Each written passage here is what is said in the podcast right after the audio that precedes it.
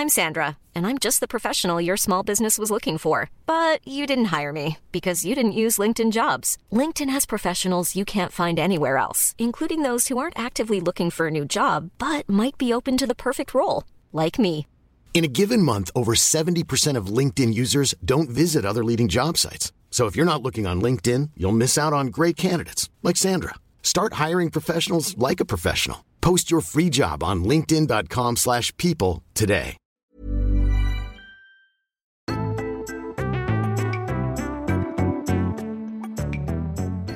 Mau belanja tapi masih takut keluar rumah? Sekarang gampang, karena kalau kamu butuh berbelanja untuk keperluan kamu atau barang-barang lucu, kamu bisa membelinya cukup dari rumah, tentunya di Shopee. Shopee adalah platform e-commerce terdepan di Indonesia, di mana kamu dapat membeli berbagai keperluan, terdapat banyak kategori dan diskon yang super besar, membeli juga dengan mudah dan pembayaran yang gampang banget. Ditambah lagi, kamu juga bisa melihat track pemesanan kamu dan chat dengan penjual. Jadi yuk, gunain link di deskripsi box aku dan belanja dengan aman, nyaman, dan mudah di Shopee.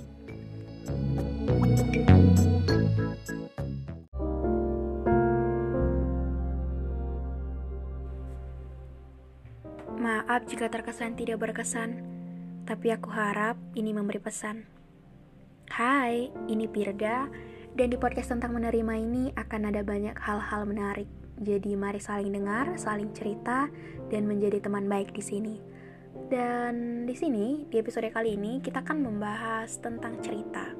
Seperti kata aku minggu lalu bahwa di sini sudah punya segmen baru yaitu TC. TC artinya tempat cerita. Jadi untuk teman-teman semua yang mungkin punya cerita yang pengen dibacakan, boleh DM aja ke Instagramku di Pirdayani Situmorang. Jadi tanpa berlama-lama, mari kita coba bacakan ceritanya. Hai kak, apa kabar? Semoga selalu baik-baik saja ya. Kali ini aku ingin bercerita. Ini tentang dia laki-laki yang aku temui di tahun 2018, tepatnya saat aku kelas 9 SMP. Panggil saja dia Apip, nama samaran, hehehe. Waktu itu aku tidak sengaja bertemu dengan Apip, sampai akhirnya kita dekat dan kebetulan Apip sepupu dari sahabatku. Aku dan Apip juga satu sekolah. Dia di kelasku. Setiap malam kita chattingan bahkan sampai begadang.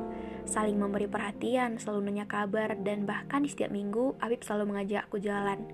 Dan kita pun sudah beberapa kali tukeran foto profil hingga teman-temanku dan teman-temannya mengira bahwa hubungan kita lebih dari sekedar teman. Kita sudah sedekat itu hingga akhirnya aku menaruh rasa padanya. Aku sudah terlalu nyaman dengan Napib. Jalan tiga bulan kita dekat, tiba-tiba Apip ngilang. Dia sama sekali tidak memberiku kabar. Dan ternyata sahabatku bilang bahwa dia sudah balikan lagi dengan mantannya. Di situ aku benar-benar nggak tahu lagi harus apa, sedikit sakit dengarnya.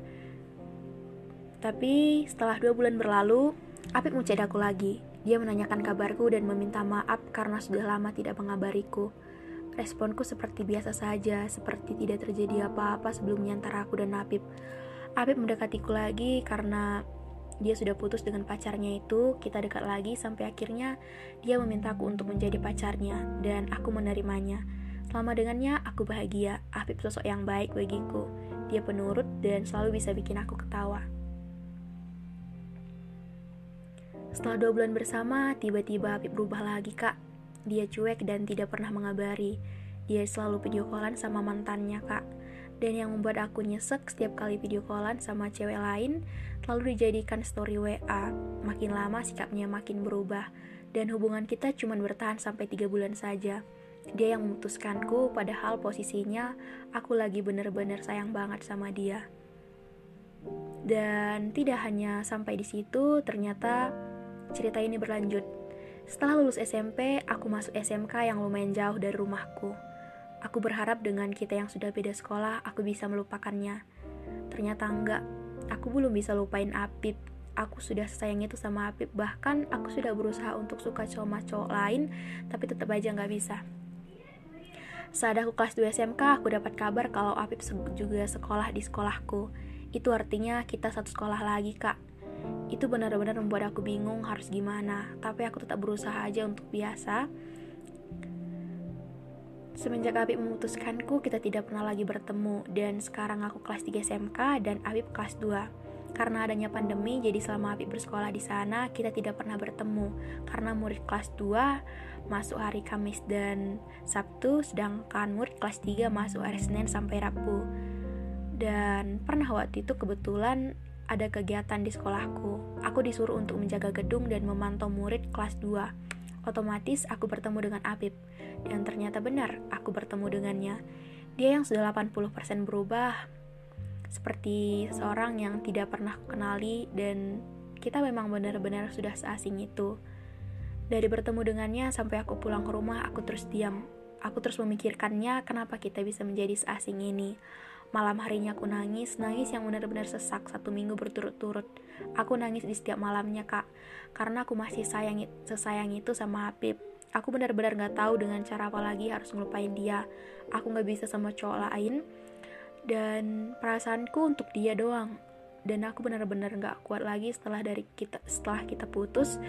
Dia sudah berkali-kali ganti pasangan sedangkan aku ngelupain dia aja belum bisa. Gitu katanya dari si pengirim cerita. Hmm, kalau dari aku ketika kita ngomongin ngelupain seseorang gak akan pernah bisa mudah ya. Karena setiada apa pun dia senyakitin apa pun yang dilakuin atau semenyiksa apa pun perasaan kita karena dia tetap aja gak akan bisa kita langsung lupain. Ya karena sebelumnya dia kan juga pernah jadi alasan kita sebahagia itu pada masanya. Kita merasa beruntung itu pernah ngelewatin momen-momen penting dan seru sama dia. Jadi ya jangan lupain sih. Tapi lebih ke kita coba untuk nerima. Nerima kalau cerita ini sudah selesai Makanya aku bilang tadi, jangan berusaha untuk cari cara gimana bisa lupa, tapi cari cara gimana bisa pulih dengan ketika kita ngelihat dia, kita nggak lagi menderita, nggak nangis ketika ngelihat sikapnya yang udah beda ke kita atau marah ketika dia udah punya orang baru. Walaupun perasaan kita masih maunya dia, tapi kalau dipaksakan kan perasaan ini nggak pernah bisa selesai. Jadi dengan menyelesaikan perasaan ini akan menemukan bahagia masing-masing. Kalau kamu belum bisa lupa, coba pelan-pelan nerima.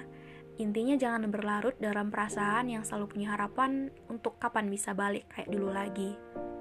Jadi coba selesaikan perasaan sendiri ini dengan nerima dan akan pulih. Intinya kalau mau sembuh harus punya obat. Obatnya itu niat, niat untuk jangan paksain untuk lupa, tapi coba terima dan pelan-pelan semuanya akan pulih. Bisa kok tanpa dipaksa, lupa kok tanpa harus dilupain. Intinya terima perasaan ini dan akan selesai sendiri. Gitu aja sih dari aku.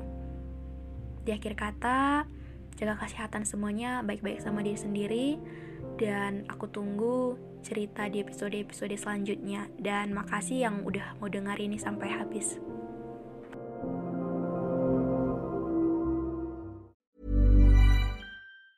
Planning for your next trip? Elevate your travel style with Quince. Quince has all the jet setting essentials you'll want for your next getaway, like European linen, premium luggage options, buttery soft Italian leather bags, and so much more. And is all priced at 50 to 80% less than similar brands. Plus, Quince only works with factories that use safe and ethical manufacturing practices. Pack your bags with high-quality essentials you'll be wearing for vacations to come with Quince. Go to quince.com/pack for free shipping and 365-day returns.